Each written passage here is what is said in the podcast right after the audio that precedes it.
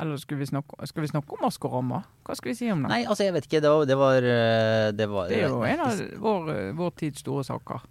Ja, det er bare Men jeg, like du- Nei, jeg har jo ikke sett på det. Også. Og så jeg, med fare for å være da en snobb, jeg ser ikke på lørdagsunderholdning. på- Nei, det er ja, fordi du har Men det er helt riktig, du skal ikke gjøre det før du har barn på åtte-ti år. Ikke sant? Uh, og så har jeg bare sett at kan du foreslå en film isteden.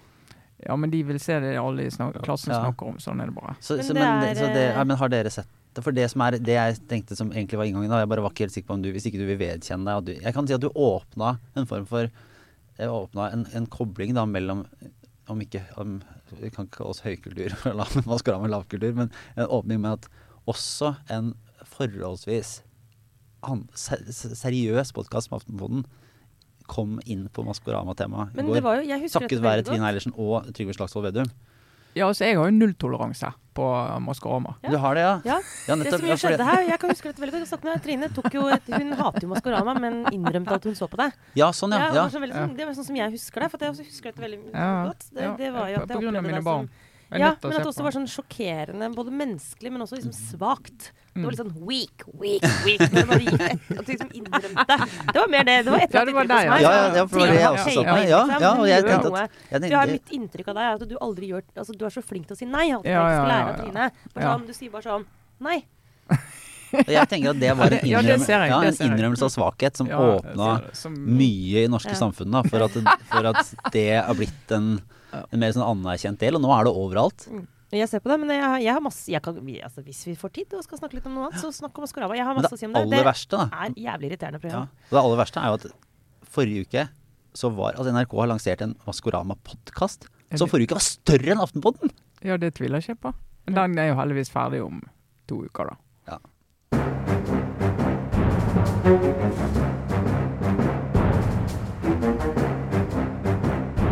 Åh, nei, men Det er eh, nok en uke med Aftenpodden. Vi er tilbake. Det er torsdag, vi er i studio. Altså, det har vi tillatt oss med en trygg eh, meter eh, mellom oss alle sammen. God dag, god dag, Trine Eilertsen. Hei. Syns var det var mye varme i, i den hilsen der. Nei, det er jo ikke mye varme å snakke om noe sted. Ingen steder. Det er kaldt. Ja. God dag, god dag, Sara Sørheim. Hei! Hei, og hei, Hei. Kjetil Astheim. Hallo! Hallo! Sånn, vet du. Nå er vi i gang, fordi uh, her, altså, det har, det har skjedd mye eh, denne siste uka. Kanskje ikke så veldig mye positivt. Jeg føler at det er litt sånn Nei, jeg eh, kommer ikke i farten på noe. Den siste uka har lagt seg som et sånn vått teppe over alt i livet mitt. og, og stengt det ned og holdt på. Og vi får jo bare starte med ja, selvkritikk. Skal vi det? Ja, det, det, det syns jeg vi skal gjøre. Vi er raus med det. Ja, fordi vi leste kanskje ikke helt rommet eh, godt nok forrige torsdag. Da, da vi liksom freidig utbasunerte at vi, vi tok på oss å være orkesteret som spiller på Titanic Ja. eh, på vei ned. eh, og, og gledet oss eh, vilt til livesending på, på tirsdag denne uka, som vi skulle hatt på Sentrum Scene. Det skjedde jo ikke. Nei, Nei. og det gikk ganske Nei. kort tid. altså Etter at vi var ferdig eh, i studio forrige uke, så gikk jeg ut uh, i et par butikker og kom over en sånn julekjole som jeg syntes var utrolig fin. Jeg kjøpte meg faktisk en julekjole, for jeg tenkte sånn, nå skal jeg inn i festsesongen. Altså, jeg var helt der. Og så gikk jeg ut av det prøverommet og så at det hadde kommet sånn 14 push-meldinger på telefonen om at det var pressekonferanse. Og det var først da det liksom bare sank inn. Kjøpte sånn- du den da, eller? Jeg kjøpte den kjolen, eh, og det, det, var, det føltes som en sånn siste handling. Og jeg visste i det øyeblikket jeg gikk til Ja, dette er min motstandskamp, og det var sinnssykt dyr. Sinnssykt fin. Tror ikke den kommer til å bli brukt. Det er mulig jeg kommer til å sitte som fotballfrue på julaften med min egen lille familie og være sånn sykt overpynta. men det var en tøff dag, altså. Da, men eh, den kjolen skal henge eh, i skapet som et monument over tapte muligheter. Ja, for det her skulle vært, det her skulle vært eh, innspurten, det skulle være oppvåkningen av samfunnet, og så, så ble det ikke sånn. Så eh, det var jo et drypp, da, et ganske solid drypp, vil jeg si, på, på, på torsdag eh, ettermiddag. eh, Fra, fra regjeringen da på, på, på endringer. Og så var det en ny runde med en pressekonferanse tirsdag, som var jo på en måte poetisk nok tima til Ikke at dette handler om oss, altså, eh, men, men perfekt tima til det som skulle vært eh, vår livesending på tirsdag, der Jonas Gahr Støre og, og regjeringen eh, la ned Norge nok en gang. Ja, de gjorde det. Altså, men da, da tenker jeg det er jo de dagene før hvor du liksom lurer på hvor ille blir det. Hvor ille blir det? Og vi har jo vent oss til i høst at eh, nå eh, Vi er veldig tilpasningsdyktige, vi mennesker. På godt og vondt. På godt og vondt. Så vi tilpasset oss jo raskt liksom eh, covid og nedstengning og alt det der. Men nå har vi tilpasset oss at det ikke var der. Så nå når det kom der, så jeg må si Jeg har sikkert vært helt naiv og helt på jordet, men det var nesten som et sjokk. Det var, det var et sjokk. Og plutselig så hadde jeg lært navnet på en ny sånn virusvariant, omikron. Husker det ikke mer enn halvannen uke satt sånn Hvordan er det du uttaler det der eh, omi, omi hva, hva er det vi sier? Mens nå er det liksom blitt eh, household name Og, eh, ja, for og, alle. og ikke minst, altså eh, selv om det nå Vi skal ikke gå dypt inn i, i virusvariantene her, men, men eh, se, send en tanke til Delta, som på måte var, eh, Det er var, vår, var, liksom- ja, ikke sant, var hottest i byen og, og i sentrum av oppmerksomheten så lenge. Og så, Ja. det, og så går det en uke, og så er det bare helt sånn Nei, det Men jeg er jo tenner, gamle eh, Delta, ja. Jeg tenner mitt lys for alfa. Ja. Fordi jeg er en av de ganske få eh, ofrene for alfa. Du, du Eh, rakk det. Jeg rakk å bli smitta av alfa. Det var jo den såkalte britiske mutanten. Og det var jo den som kom og skikkelig fucka opp i, i fjor. I fjor på seinvinteren. For da trodde vi jo, da hadde jo, smitte, hadde jo slått ned smitten. Og så kom Follo. Og så kom Nordre Follo den mørke, mørke fredagen, husker jeg. Hvor det var mutantsmitte. Villsmitte av mutanten i Nordre Follo. hvor, hvor liksom Nesoddbåten bare klappa til kai, og liksom vi stengte grensene mot Follo. Og sånn for guds skyld ikke kom ut av Og Nordre Follo også ble kåret til et av de mest brukte søkeordene på Google i 2020, eh, 2021. Men det føles jo nå som en evighet siden, for nå er det jo omikron. Men eh, jeg velger nå å holde fast ved håpet. Eh, for det er fortsatt et bitte lite håp om at omikron er det som skal redde oss. Ja, for her er det jo to her vil jeg si, Det er er to skoler. Det er to skoler. sant? ene er at omikron ok, mer smittsomt, mindre farlig. Det er en uh, fin liten vaksine som, uh, som uh, skyller over oss. Gjør at vi kommer ut på andre sida. Ja. Det renser oss på et vis. Uh, Forhåpentligvis uten for mye alvorlig sykdom. Og så er det selvfølgelig dommedagsprofetiet på andre sida om at dette viser seg å være veldig mye verre. At vi nå, eh, sykehusene overbelastes og, og dette går ikke rundt. Og det er jo sykehuskapasiteten da, som er som det store spørsmålet og begrunnelsen Ja. for at det nå innføres strenge tiltak. Men hvis vi bare kan Ja, dvele men, jo, ja. jo, men akkurat om det, Hvis du hørte på Bjørn Gullvåg, det han sa om intensivkapasiteten, så var jo hans poeng at selv med liksom, en mye bedre intensivkapasitet, så, ikke, så kunne du ikke latt en, en pandemi bare rase gjennom landet. Du ville, det ville ikke greid å bygge opp stor nok kapasitet. og Én ting er jo hvor mange intensivsykepleiere du har, hvor mange leger du har, og alle de andre i helsevesenet. Men så er jo spørsmålet hvis, hvis veldig mange blir syke i samfunnet, så vil det jo få betydning for altså kanskje skoler og barnehager blir stengt. Hvordan skal da de sykepleierne komme seg på jobb? Hvordan, altså, altså hele så, så, så sånn han uttalte seg på den pressekonferansen, så ville vi jo ikke sluppet unna tiltak selv med en mye bedre intensivkapasitet enn det vi har. Ikke sant? Fordi det er den der eksponentielle veksten som gjør at det bare går i skyene hvis det først eh, starter. ja. Og så er jo, er jo en stor del av problemet nå er høyt sykefravær i helsetjenesten. Sant? Og du har ikke folk til å fylle opp de vaktene. Du kan ikke hente inn vikarer fra utlandet. Du har ikke mange nok eh, intensivsykepleiere som bare kan gli rundt og fylle hull. Eh, og, du har ikke, og det, er en ganske, det er jo en spesialitet, så du kan ikke bare sette en hvilken som helst sykepleier inn i, inn i de oppgavene. Eh, og selv om du hadde si, doblet det tallet, det hadde jo hjulpet. Men hvis, hvis da ja, alle barnehagene blir koronastengt og uh, de ikke kan uh, gå på jobb av mange andre grunner, så er du på en måte like langt. Altså Denne pandemien handler jo ikke bare om at det blir fullt i folk på sykehuset, men det blir et samfunn. Og infrastrukturen som disse helsearbeiderne er avhengig av, ikke fungerer. Sant? Og Det var litt interessant i, i koronakommisjonens første rapport. så så de jo på Da hadde de jo gjort ulike vurderinger i forskjellige sektorer. Hvordan vil vi håndtere en pandemi? Og så var det sånn, mm, så, så hver sektor på si, sitt område og sa ja, dette går fint for oss. Men så, så, så la du det ikke sammen. Mm. Og så du ikke hvordan at dette samfunnet virker jo sammen. sånn at uh, hvis det blir store konsekvenser på et område, så vil det spille over i Vil det få konsekvenser også for andre.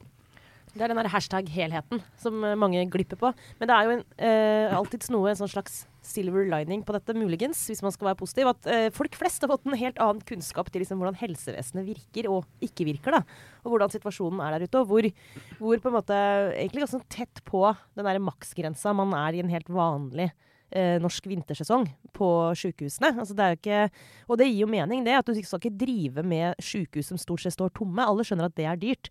Så det gir jo, gir jo mening at man hele tiden er på et sånt prøver å treffe riktig på kapasitet. da.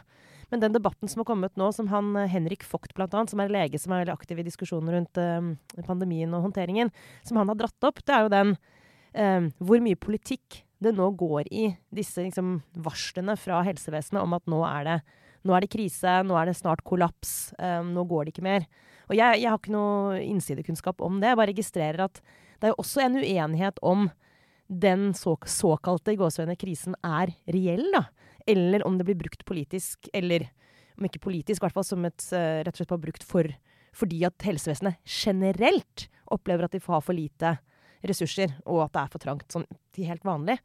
Og det, det liksom kommer også inn som det er sånn sidedebatt på dette her, men liksom sånn, er det egentlig Er det sprengt? Eller er det ikke sprengt? Og det syns jeg ikke egentlig er helt Jeg er ikke sånn overbevist om at, om at vi er der hvor ting nesten kneler. Men det er ikke så Og så er det store variasjoner ja, i landet. Sant? Så det er noen Ja. sykehus, men det er jo ikke alle.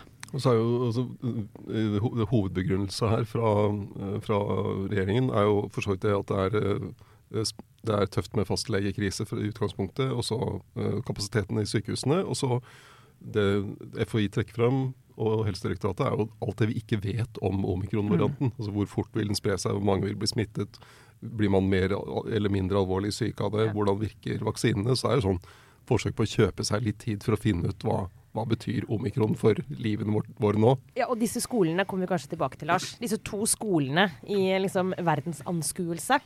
Eh, om det tilhører da liksom de siste dagers eh, dommedagsprofeter, som, eh, som går rundt med en sånn veldig morsk mine nå, og er sånn Ikke vær naiv. Dette Omikron endrer alt. Nå er det liksom darkness. Nå er det bare sånn eh, Nå går det gærent. Og de som er litt mer sånn dette kan være begynnelsen på slutten på pandemien. Nå må vi være positive. Og det er, det, Gud vet, liksom. Alle har jo blitt pandemieksperter nå. Men eh, jeg tviholder på den siste. Jeg vil tilhøre den gjengen. Ja, ja, for det er Ja. godt marked for de som er eh, De som eh, vil, være, vil, vil skjønne at det her er litt mer alvorlig enn alle andre. De De, har foreløpig ja. hatt gode si, De har foreløpig hatt gode muligheter til å være det de siste to åra. På at det, nei, det her kommer til å ta veldig lang tid. Altså De som måte, vet litt mer at dette her blir vanskelig. Leder, kanskje. Ja, eh, de gjør jo det. Det må jo innrømmes, det. At det er jo de som har sagt at det går til helvete, som har foreløpig dessverre hatt rett. Men det er ikke for sent å få rett ennå. Nei, nei jeg, jeg er helt på linja di. Men, Ja. eh, men eh, det som altså, Som du sa, Trine, så er det jo Folk eh, tilpasser seg fort. Men jeg oppfatter likevel, og, og kjenner litt på meg sjøl, at, at det er på et annet sted nå enn ved forrige liksom, store lockdown, når, når, det måtte egentlig ha vært. Men at, at det måtte være større kanskje utålmodighet og liksom, frustrasjon ved de endringene som kommer inn nå, og litt sånn spørsmål på hvor, ja, liksom sånn, hvor alvorlig er dette her? Altså hva mm. det kan jo potensielt bli et politisk problem for regjeringa, enten de er skyld i det eller ikke. Ja, det kan jo det. Og du ser jo altså Det som vi nå ser, i hvert fall jeg i, i min krets, det er jo folk som eh, er dobbelt vaksinert, og så blir de smittet da med delta. Nå den vaksinen har eh, mistet litt kraften, så vi trenger jo dette tredje boostershotet vår- vårt. Um, men de blir jo ikke altså de, blir jo ikke på randen av sykehusinnleggelse. sant? Det er virkelig Vi er på influensa, mild influensanivå, tross alt.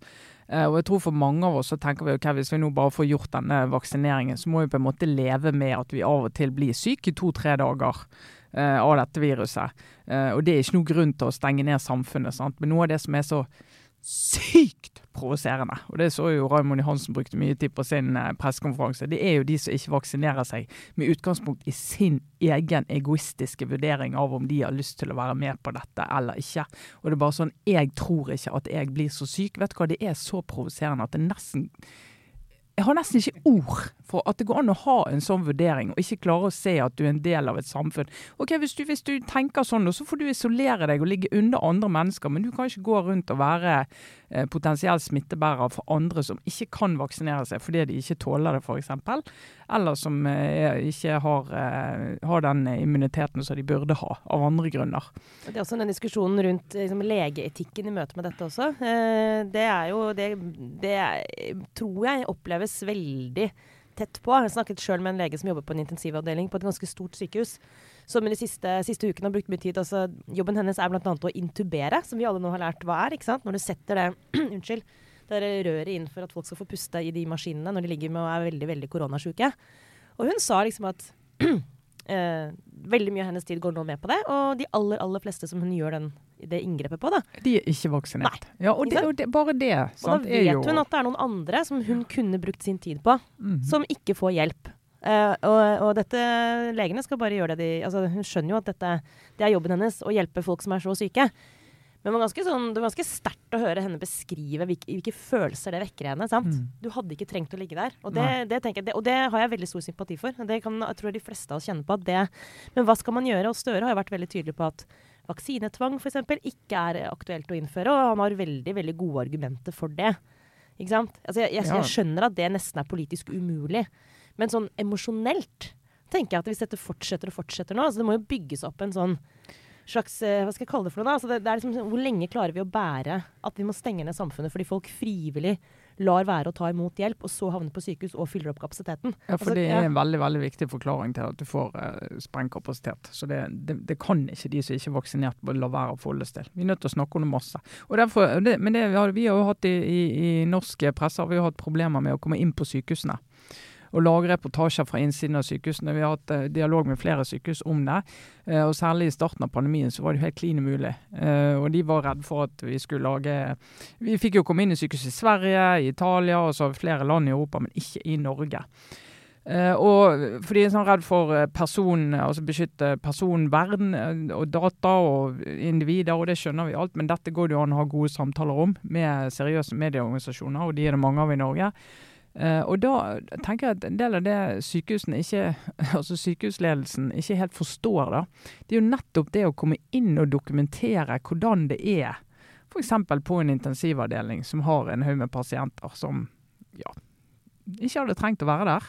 Uh, bare vise hva hverdag de har, når de både har masse barn med RS-virus, og de, nå kommer snart influensasesongen, uh, og så har vi denne pandemien, og så bare vise det. Bare det fortelle litt om det. Hva vil det si at det er press på sykehusene? Hva vil det si? Kan vi, kan vi liksom bryte det ned og fortelle historier om det?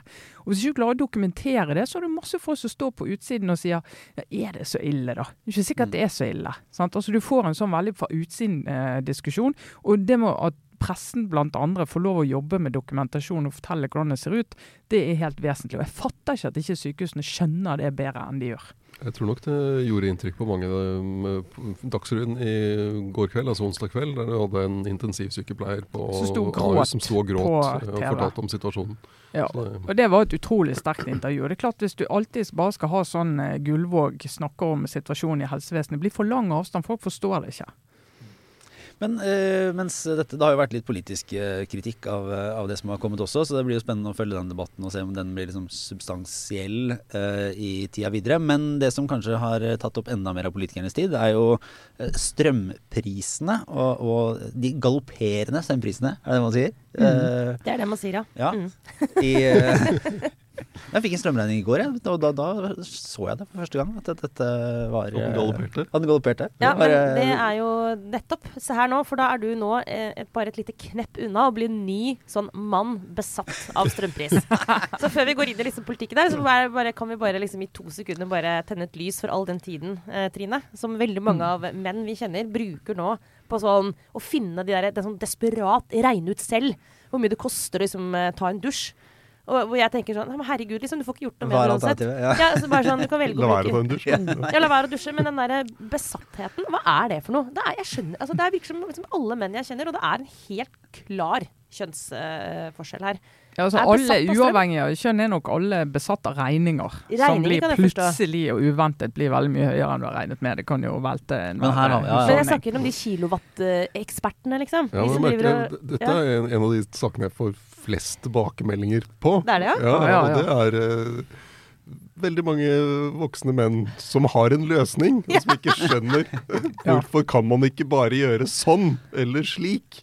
Og hvorfor kan man ikke bare spa ut penger til alle via samme kontonummer som man får skatteoppgjøret fra? Og det høres jo for så vidt flott ut, ja, altså, men eh, da har du jo skal vi se hvor mange skattytere du har. Eh, 4,7 millioner skattytere. Skal det da gjøres 4,7 millioner enkeltvedtak i, i det offentlige for å få ut de pengene? Eh, og så altså, sier noen ja, kan vi ikke bare ta barnetrygden? Ja, kanskje det. Det var da 657 700 som mottok eh, barnetrygd. Eh, det er godt mulig at man kan bare gjøre en endring hos Nav og skru opp barnetrygden for noen måneder. Men erfaringen fra starten av pandemien, da Stortinget fant på at Nav skulle eh, vedtok tolv ulike tiltak for å gi mer støtte til folk. Og Nav sa bare eh, hold litt igjen, dette kan komme til å kreve ting. Og Stortinget bare dura på. Og det krevde jo eh, juridiske gjennomganger, krevde regelendringer, krevde endringer i IT-systemer. Så det tok jo flere måneder før det var på plass. Fordi Stortinget ikke noe detaljstyrte på den måten. Så altså, det fins sikkert noen løsninger her. Men det å skjønne at dette ikke, Norge er et velregulert samfunn, som man sier. Og det betyr at du har noen regler og du har noen systemer. Du, ikke, du vet jo ikke hvor du skal sende pengene i utgangspunktet. Men, men okay, bare for å påta meg rollen, da. Som, eh, som, som rasende? Som, som, nei, eller i hvert fall undrer, undrende. Eller, men dette må jo kunne gå. Eh, hvor, altså, men bare for litt mer, hvorfor er det så vanskelig? Ja, fordi Du må finne ut, uh, finne ut, hvor mye penger skal du gi ut. Ja, for Vi snakker nå om støtteordningene, sant? Ja. Det det, ja, ikke hvorfor det er dyrt, men hva vi skal ja, hvor, Staten skal Ikke sant. Ja, Hvor mye penger skal de gi ut? Ja, men okay, Da er man enig da, at alle de skal få uh, 2500. Hvem skal få, og hvordan skal du få ut pengene? Og det, det, no, sånn uh, hørte på Jonas, ja, Jonas Gahr Støre i går, så virker det som de skal prøve å gå inn i med penger rett inn i strømregningen til folk, og liksom refundere et eller annet.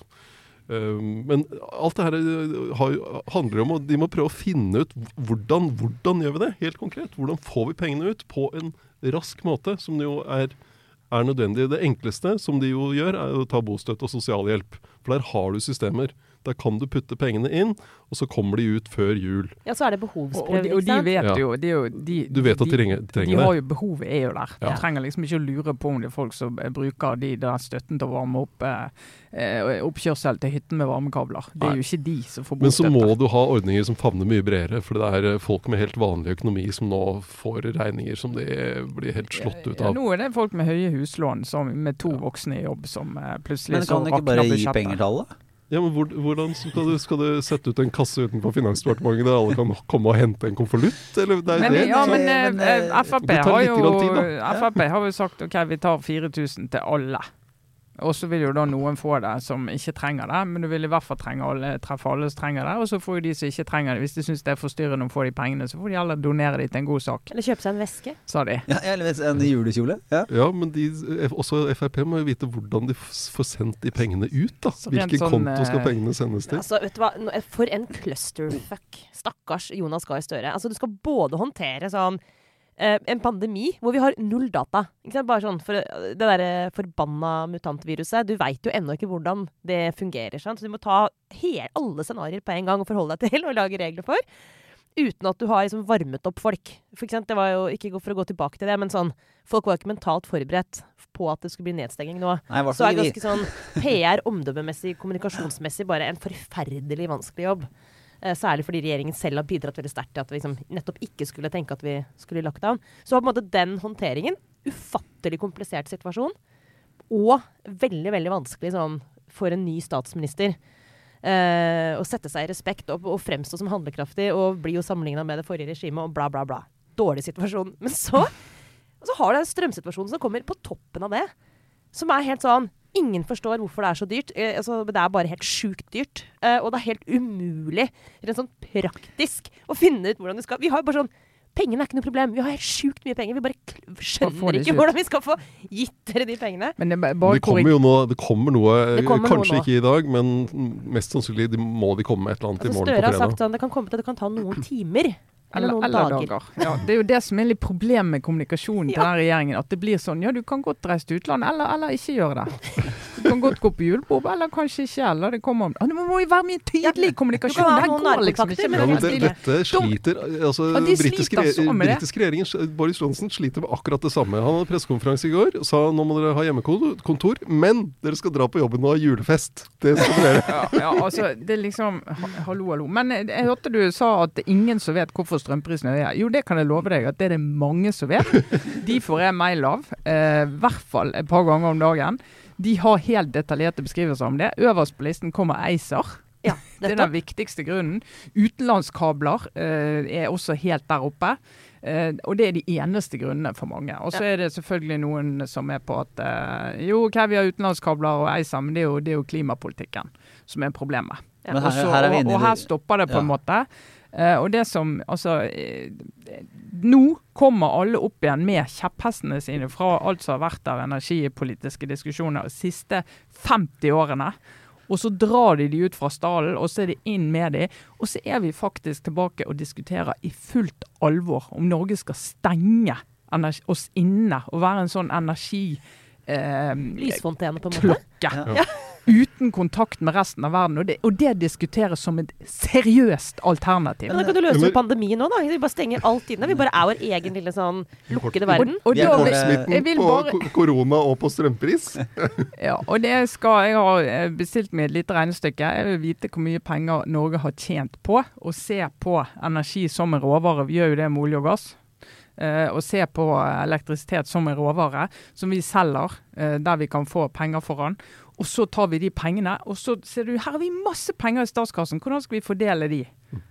For å veie opp for urettferdigheter, for å sørge for at liksom ikke det blir eh, går over stokk og stein i situasjoner for, for, som altså, denne. fordi denne idiotiske ideen, da, som du ser det, med å stenge oss inne Altså Lars? Å nei. Jo, men Er du blitt en sånn? Nei, jeg, må ikke, jeg er ikke blitt en sånn. Bare men- prøver å, prøver å men- gi litt uh... Prøver å gi rom for motstand. Ja, ja, for at det, er, altså, det er jo åpenbart Det er jo en del som mener at det ikke er så, Og bare forklarer resonnementet hvorfor det er Jo, det, det er mange mange er som mener det at, at Norge, vi er, eh, og det er vi, vi er veldig heldige. Vi har fantastiske vannressurser som gjør at vi kan få billig kraft. Og, og, og også riktig at mye av både bosetning, næringsliv og næringsstruktur er fundert på tilgang til billig strøm. Liksom fordi det var vurdert som, et, som en, på en måte, noe bare nærmest staten skal tilby innbyggerne og industrien. Man Ja, skal- tilby. Det er, det er, en nødvendig det er- infrastruktur, det er en liksom. vare, det er en vare, men det er pga. på grunn av, på grunn av den store tilgangen vi har, og etterspørsel sammenlignet med tilgangen er sånn at prisen kan være veldig lav. Så i størstedelen av den perioden siden vi, da vi begynte å krafts- energisamarbeide med andre land, absolutt største del av den perioden, så har det utelukkende vært en fordel for Norge. Fått masse penger inn i statskassen, fordi at når du har hatt overskuddsenergi, så har du sluppet å helle det ut i fjorden. Men du har kunnet selge til noen som trenger det, fått penger inn, så du kan bruke på billig SFO, skoler, intensivsykepleiere, hvis du vil det. Eh, og i perioder der vi faktisk, ikke ofte riktignok, men i perioder er det faktisk sånn at vi trenger energi fra andre land. Og da har vi fått det. Og det samarbeidet der, hvis vi skal se for oss en sånn klima og grønt Europa, og vi ser for oss at vi skal samarbeide om at vi går i en grønnere retning og at vi får mer eh, utslippsfri energi, og så skal et av de landene som har størst tilgang på det, skal bare si vi skal ha det sjøl. Dere får bare holde på. NRK hadde jo et veldig godt eksempel på, på dette her i går. De fortalte en historien om fra i fjor, da, i 2020. eh, Da det var eh, eh, god tilgang på kraft og lave strømpriser. Og så var det en båt som hadde et lite uhell ute i Oslofjorden og kappa over en kabel som går over til Sverige. Og da var det jo mistet vi Norge mulighet for en del krafteksport. Og kraftprodusenter måtte bare slippe ut vann, fordi de, de kan jo ikke altså de, Det er jo grenser for hvor mye vann de kan ha i magasinene. Og anslaget var at tapet var på 4 milliarder kroner. Oi. Eh, så det hadde jo vært penger som hadde vært fint å ha. Så Altså, det, men- men altså, det var- det det- praktisk nesten sånn Helge Ingstad-pris på det da. Ja, ja, ja. Ja. Vi er jo fort der. Ja, det ja, det var kanskje dobbelt så mye. Ja, men Også- ok, men så, ja, det så er hvis man tror liksom at det er masse kabler her, som at det bare er å dytte ut, pumpe ut eh, masse kraft. Det er noen begrensninger her. Eh, og en, en aktuell historie, da, hvis vi kan dra til Luleelven i, i Midt-Sverige. oss for all del, ja. Ja. Da er jeg Det spent. er et Nå har jo eh, liksom Fra Midt-Norge og nordover så har det vært veldig lav Der har strømmen vært billig. De har jo ikke hatt noen problemer. Eh, Men nå plutselig så var det dyrt med strøm i Trondheim. Eh, Det har jo nesten lønnet seg å ta toget fra Oslo til Trondheim for For å lade mobilen, ikke sant. Da, det er det noen som har regnet ut. Takk ja. Det har jeg sett på Facebook. Men nå, er det, nå har det vært noe høye strømpriser. Det er nede igjen nå. Grunnen var at i Luleelven, så, det er et sånn elvekraftsystem i midt Nord-Sverige, der de da har kraftverk i eh, noen svære elver. Og så når da vinteren kommer, så må de la vannet flyte i elvene for at det skal legge seg et islokk oppå elvene, sånn at vannet kan fortsette å renne under islokket og, og lage strøm. Og når de da eh, skal lage dette islokket, så kan de ikke produsere kraft. Så de, slipper de løs vannet. Og da ble det plutselig ledig plass i kraftkablene fra Norge via Luleå ned til Stockholm. Og da hadde trondheimerne Stockholmspriser plutselig. En kort periode. Men normalt så kan da trøndere og andre hente inn billig kraft, både vannkraft og vindkraft, fra Sverige gjennom den samme kabelen. Ja, også, Men når alt dette er sagt, sant? og jeg kommer, jo, jeg kommer jo til å mene til min døyende dag at når Norge har sånne råvarer som vi har, så skal vi selge dem for så mye inntekter som overhodet mulig for de, og så skal vi ta tilbake og så fordele etterpå. Det er min Sende eh, penger til alle. ikke sant? Bare rett i lomma. Ja, og, og det gjør altså rett i lomma. Det er nettopp det som er poenget. For det er klart mange av de pengene går jo til ordninger. Og der har jo faktisk eh, altså regjeringen har jo rett i at når de tar eh, ekstra utbytte fra Statkraft og bruker de til eh, sosiale ordninger som de syns er viktige, så kommer disse pengene folk til gode. Det er ikke rett i lomma, men de kommer i form av, eh, av eh, ordninger da, og støtteordninger. Eh, men det som jo vi må kunne si, det er at det hadde jo vært mulig å ta et politisk initiativ og få utredet hvordan vi skal håndtere en situasjon som denne, som jo ikke er altså For alle som følger dette tettere, mye tettere enn meg, altså. Eh, Så jeg har ikke hatt noen forutsetning for å se alle disse detaljene i det hele tatt. Men når du ser det som skjer, og du ser at nå er det veldig mange som gir inntrykk av at de har skjønt alt dette hele tiden, men greit. Eh, Men se liksom hva som skjer i energimarkedet i Europa. Sånn at du skrur av atomkraft, du øker CO2-prisene. Eh, Du vil at, for, at man skal gå over til grønnere energi. Du skal liksom gjøre det vanskeligere å bruke fossile energikilder. Pluss at du har uh, usikkerhet rundt uh, gassleveransene fra Russland Fra og Et, et globalt gassmarked der prisene går opp. Så prisene går opp, eh, og det, og det vet jo den usikkerheten med Russland er jo der. Eh, Og Mange mener jo at Norge ikke skal eksportere gass heller, fordi at det eh, gir jo da utslipp. Og liksom Konsekvensen av alle disse ønskene gjør jo at du fører et sted hvor det kan i hvert fall i en fase bli energiknapphet. Og da går prisene opp. Eh, og det å diskutere da, hvordan skal et land som Norge, som har et land som er fundert på billig strøm, som har et næringsliv som er fundert på billig strøm, hvordan skal vi håndtere det politisk? Og det at du er nødt til å gå i gang med det når, krisen, når det er peak krise, og Ja. det ikke er laget noe tanker og systemer om det før, det syns jeg er rart. Men ja, for det, for jeg ser Støre senest nå i en sak som vi hadde akkurat i går eller dag, sier sånn vi, vi har ikke disse ordningene. Vi, vi må finne på ordningene nå. Jeg, jeg, akkurat det syns jeg også er sånn Det synes jeg er utrolig rart. og jeg tenker at det er egentlig en sånn beredskap da, Ja. for et land. At du har, hvis du kommer i en spesiell situasjon, kan det bli nødvendig at du f.eks. har kontantoverføringer til alle i Norge. Er det et beredskapsspørsmål? Kan det være det? Og i så fall, hvordan skal vi løse det? Men, men det får du jo egentlig kan få, da. Litt avhengig av hvordan de utformer mandatet. Men eh, noe av det SV fikk inn i budsjettavtalen, er at man skal utrede denne grønne folkebonusen som eh, SV vil ha. Som er en sånn kompensasjon for økte miljøavgifter. Som skal gå til SV vil jo ha det da til folk som øh, under en viss inntekt. For at det skal ha omfordelende virkning. Som jo er eh, en måte å tenke at vi skal øke Vi skal dra til på CO2-avgifter for å få ned utslipp. Og så skal det kompensere folk med kontanter, som da i, i utgangspunktet ikke er en stimulans til, til, å, til utslipp. I motsetning til den der modellen som, som var med, med Frp og, og Solberg-regjeringen, der de økte CO2-avgiften, og så satte de ned veibruksavgiften, og så var det liksom Da var du like kort. Så, men du kan jo se for deg at man i det, en sånn utredning ser på hva trenger vi av den type mer akutte modeller. da, En sånn Mm. beredskapsmodell. fordi det er jo åpenbart at de, de må komme med noe penger til en ganske bred, bred gruppe av befolkningen nå. For å bevare liksom, mer, eh, ja, tilliten til kraftsystemet og, og Ja, det, politikken. Men det, det herlighet, må så vanskelig. Det må Altså, løses. jeg, jeg kjenner at det, det er bare apatien som skyller innom meg. Jeg begynner å tenke på sånn Netflix. Eh, liksom bare, jeg, jeg, men, men, Du har råd til å Du, ja, Se på Netflix? jeg forholder meg ikke til dette. Jeg tenker alt går jevner seg ut. Men det, jeg skjønner at det, jeg kommer til å være den siste personen som ikke Jeg bare jeg nekter å sjekke min strømregning. Da. Jeg bare setter den på sånn autotrekk, og så bare plutselig en så er det Ja, men plutselig så får du den, og så, så kjenner du at det klør i fingrene til å bli en sånn tastaturmann. Så så den dagen jeg begynner å legge ut på Facebook sånn så mye kosta det meg å dusje i dag, så kan dere bare trekke ut ledningen. Kan vi ikke fjerne momsen? Da kutter vi varmtvannstanken. Nei, men eh, vi går inn i en runde med obligatorisk eh, refleksjon. Eh, Du kan kanskje begynne, Trine? Ja, jeg kan eh, komme med en eh, anbefaling. Eh, alle har sikkert fått med seg denne historien om eh, Peng Shuai, tennis, tennisspilleren Nei. fra Kina. Eh, Peng Shuai hun eh, gikk ut på Kinas svar på Twitter og her for noen uker siden og skrev det at en navngitt kinesisk politiker sånn helt i topp fem i, i kinesisk politikk eh, hadde drevet med ja, overgrep og seksuell trakassering. Lang, lang, lang tekst. Uh, og han er virkelig en av de mektigste i Kina. Uh, Peng Shuai uh, ble Alt det der ble slettet med en gang, men det spredde seg som ild i tørt gress i Kina og utenfor Kina. Eh, og ikke, men det ble jo tatt ned og fjernet, som seg hør bør, innenfor et uh, autoritært diktatur. Eh, så forsvant Det det. hadde vært et dårlig autoritært diktatur hvis Ja. Ja, hvis de lot det stå. Hvis de lot det stå. Det, ja, det mister all respekten Ja. for det, faktisk. Da burde kontroll- og konstitusjonskomiteen tatt en åpen høring. Diktaturkomiteen. Ja.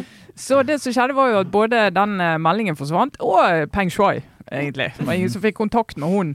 Eh, og, som, eh, og vanligvis så vil jo eh, vil jo det da være sånn at eh, etter noen dager så kommer hun da ut på et TV-intervju eller et eller annet gjennom statlige medier og sier det går helt fint med meg, slapp av, ikke noe problem, og så er vi ferdig med det. Og så er det ingen som diskuterer det mer. Denne gangen her skjedde ikke det. For det første så Kvinnetennisorganisasjonen de, det tok fullstendig fyr. De krevde å få vite hvor er hun, vi skal snakke med henne, vi skal se livstegn. Eh, vi vil vite hva som har skjedd. Eh, og eh, kinesiske myndigheter gjorde jo som de pleide. liksom Viste noen videoklipp, og her er hun ute og handler, og her er hun ute og hilser på. Men det er ingen som trodde helt på det. Sånn at presset fortsatte. Også som en av få idrettsorganisasjoner, så sa jo også Tennisforbundet vi vil ikke ha turneringer i Kina før vi får, eh, før vi får vite om dette. Hva, hva som har skjedd? Hvordan går det med Peng Shuai?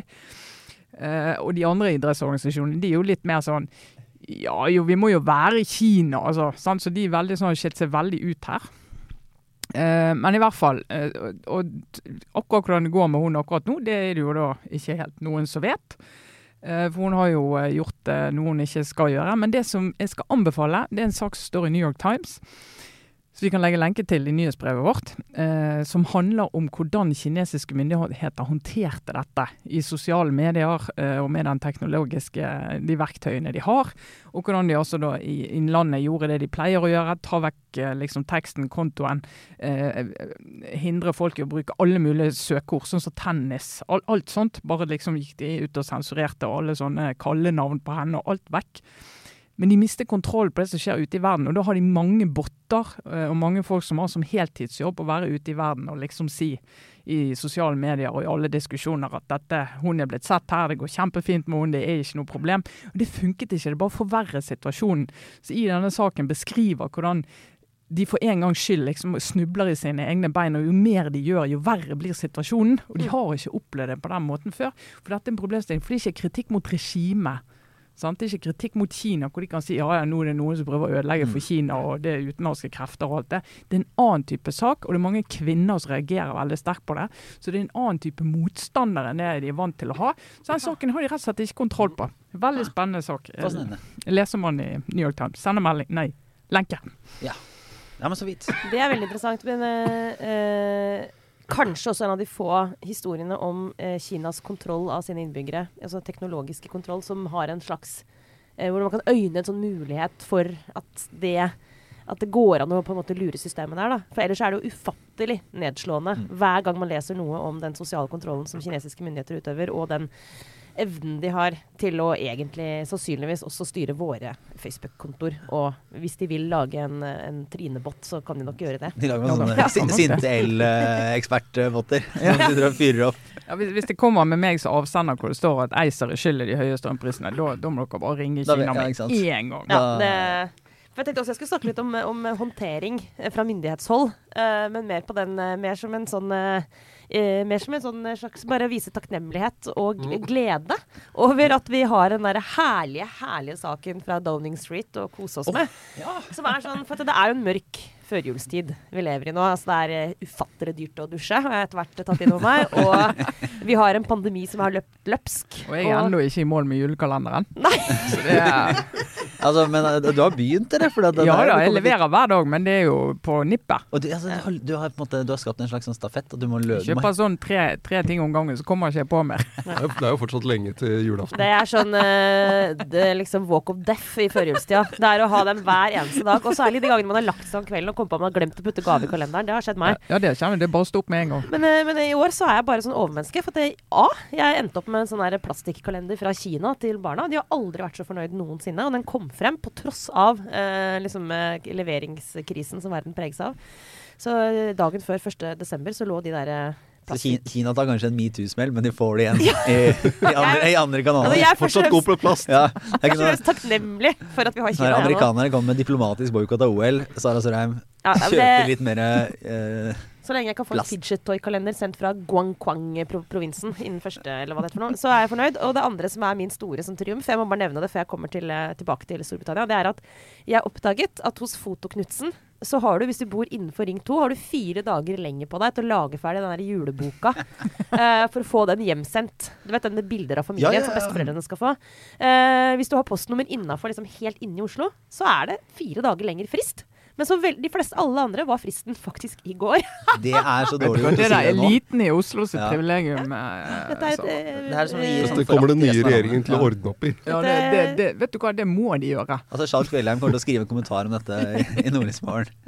Det er, jeg antar at det er siste året hvor vi Ja. får fire dager lenger. Altså Jeg kommer jo ikke til å rekke det likevel, men jeg har fire dager lenger på meg til Ja. å ikke rekke det uh, enn en de andre. Men tilbake til denne julegaven som lyser opp denne mørke uh, adventstid. Som vi har fått fra, fra kommunikasjonsenheten til Boris Johnson. Som er så, det er bare så, en sånn deilig sak hvor vi kan være enige om at her trenger vi ikke å heie på noen. Det er ingen her det er synd på.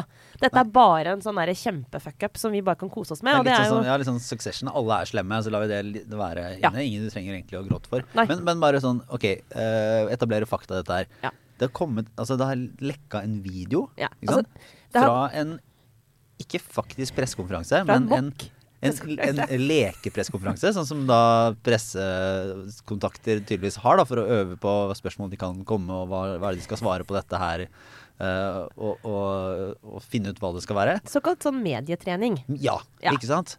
Og da har jo da det, det, som, eh, det som var greia, var at de har gått rykter en stund, har jeg skjønt. Jeg har prøvd å lese meg opp nå på, i, i britisk presse, om at det, de ansatte i Downing Street, altså teamet til Boris Johnson, hadde fester og drev og møttes eh, under lockdown.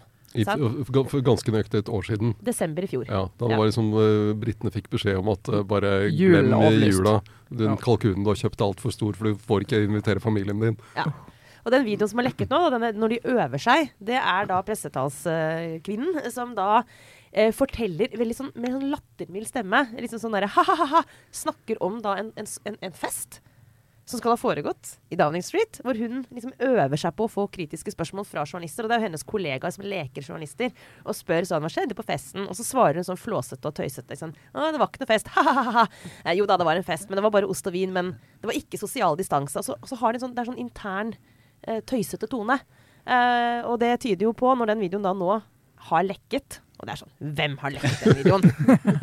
eh, så fremstår det jo som at de A faktisk har hatt en fest. Helt Ja, ja, ja, åpenbart. Ja, For de er sier- de, de er er de helt edru? På opptaket er de edru, Ja, tror jeg. så flott. Eller det, ja, det, det vil jeg tro. Godt Ja. spørsmål, egentlig.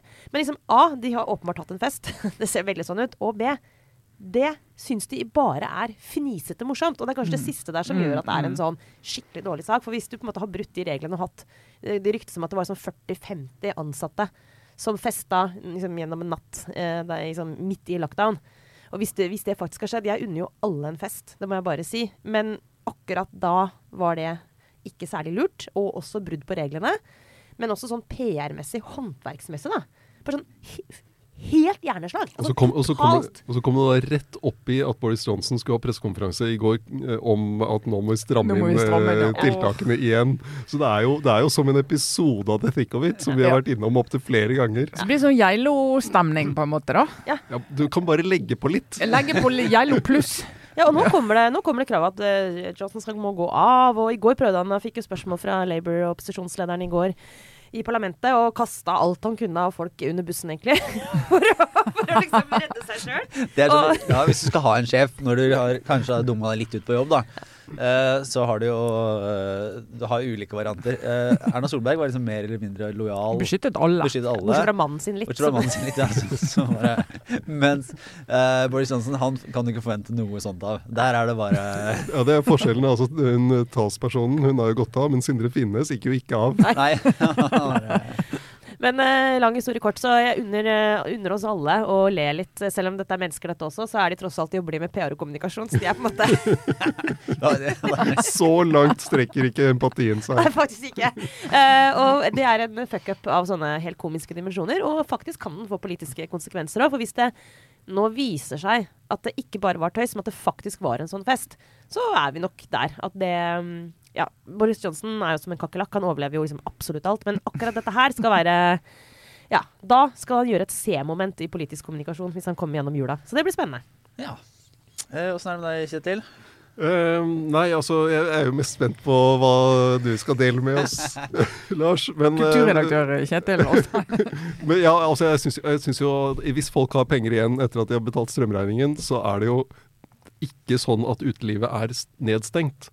Så det å gå ut eh, Nå prøver jo teatre og konsertarrangører og restauranter og alt mulig å, å tilpasse seg nye strenge tiltak. Og da må jo de som måtte ha penger til overs, gå ut og prøve å holde liv i dette samfunnet. Bruke det. Ja. Ja. Og hvis Altså man da som plikt, rett og slett. ja, et samfunnsplikt. Gå ut og drikk og kos deg. Og, Det gjorde jeg i går, kjenner jeg. Ja. Det føltes bra, det. Å Ja, bidra litt. Ja, det er en, en, en eh, ja, hvis du får penger direkte fra staten for å dekke dusj, kjole og uh, Og en tur på byen. ja, Så gå, altså, gå rundt. Ikke sant? Det er Jeg en liker det eh, er den beste kompensasjonsordningen, faktisk. ja. Men hvis man da ikke, hvis man havner i karantene eller, eller et eller annet, eh, eller depresjon, koronadepresjonen uh, Altså denne Gomorra-serien Men, om, ja, eh, om eh, mafiaen i Napoli, den er, eh, den er bare blitt helt hekta på. Altså det er jo Men den er jo Det- gammel, Kjetil. Ja, den er gammel. Jo, men det er, det er, Det er nå ja, Nei, altså det er femte sesong eh, kommer nå. Altså, sånn at det er eh, Og det tror jeg blir den siste.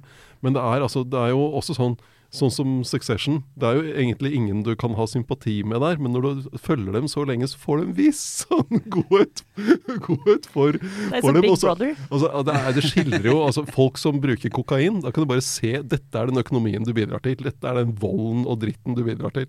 Så bare ikke gjør det. Slutt med kokain. Ja, slutt med kokain. ja, det er faktisk liksom- veldig, veldig eh, og, og, men så er det filmingen. Altså, de bruker jo Napoli som, som kulisse her.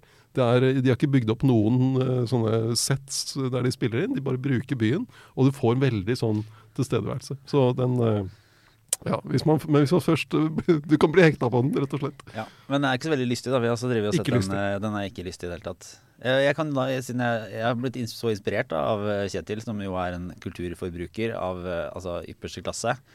Så, så i går så var jeg på teater. På, på eh, en, en oppsetning fra Nationaltheatret oppe på Løren, i Kanonhallen, er det det heter. Ja. Som for øvrig er et altså, eh, egentlig et fint sted å gå på teater. Det, er- det jeg er litt misunnelig på de som har det sånn helt i nabolaget. Bare kunne gå bort på, på Ja, men liksom skjønner sånn at Løren i Oslo, som er en, eh, for dere som ikke er så kjent der, er jo egentlig bare sånn der, helt et sted som egentlig bare var industri og dritt i mange, mange, altså i min oppvekst. Men nå er det jo en- det er en helt ny bydel som vokser frem der, og det kommer til å bli et kult sted. Ja, vanvittig mange Ja. boliger. Og da, eh, fordi at dette har jeg ikke helt forstått, eh, og trenger ikke gå inn i detalj, men, men eh, Nationaltheatret bygges jo om, og det plasseres litt sånn ut, og de spiller her og der.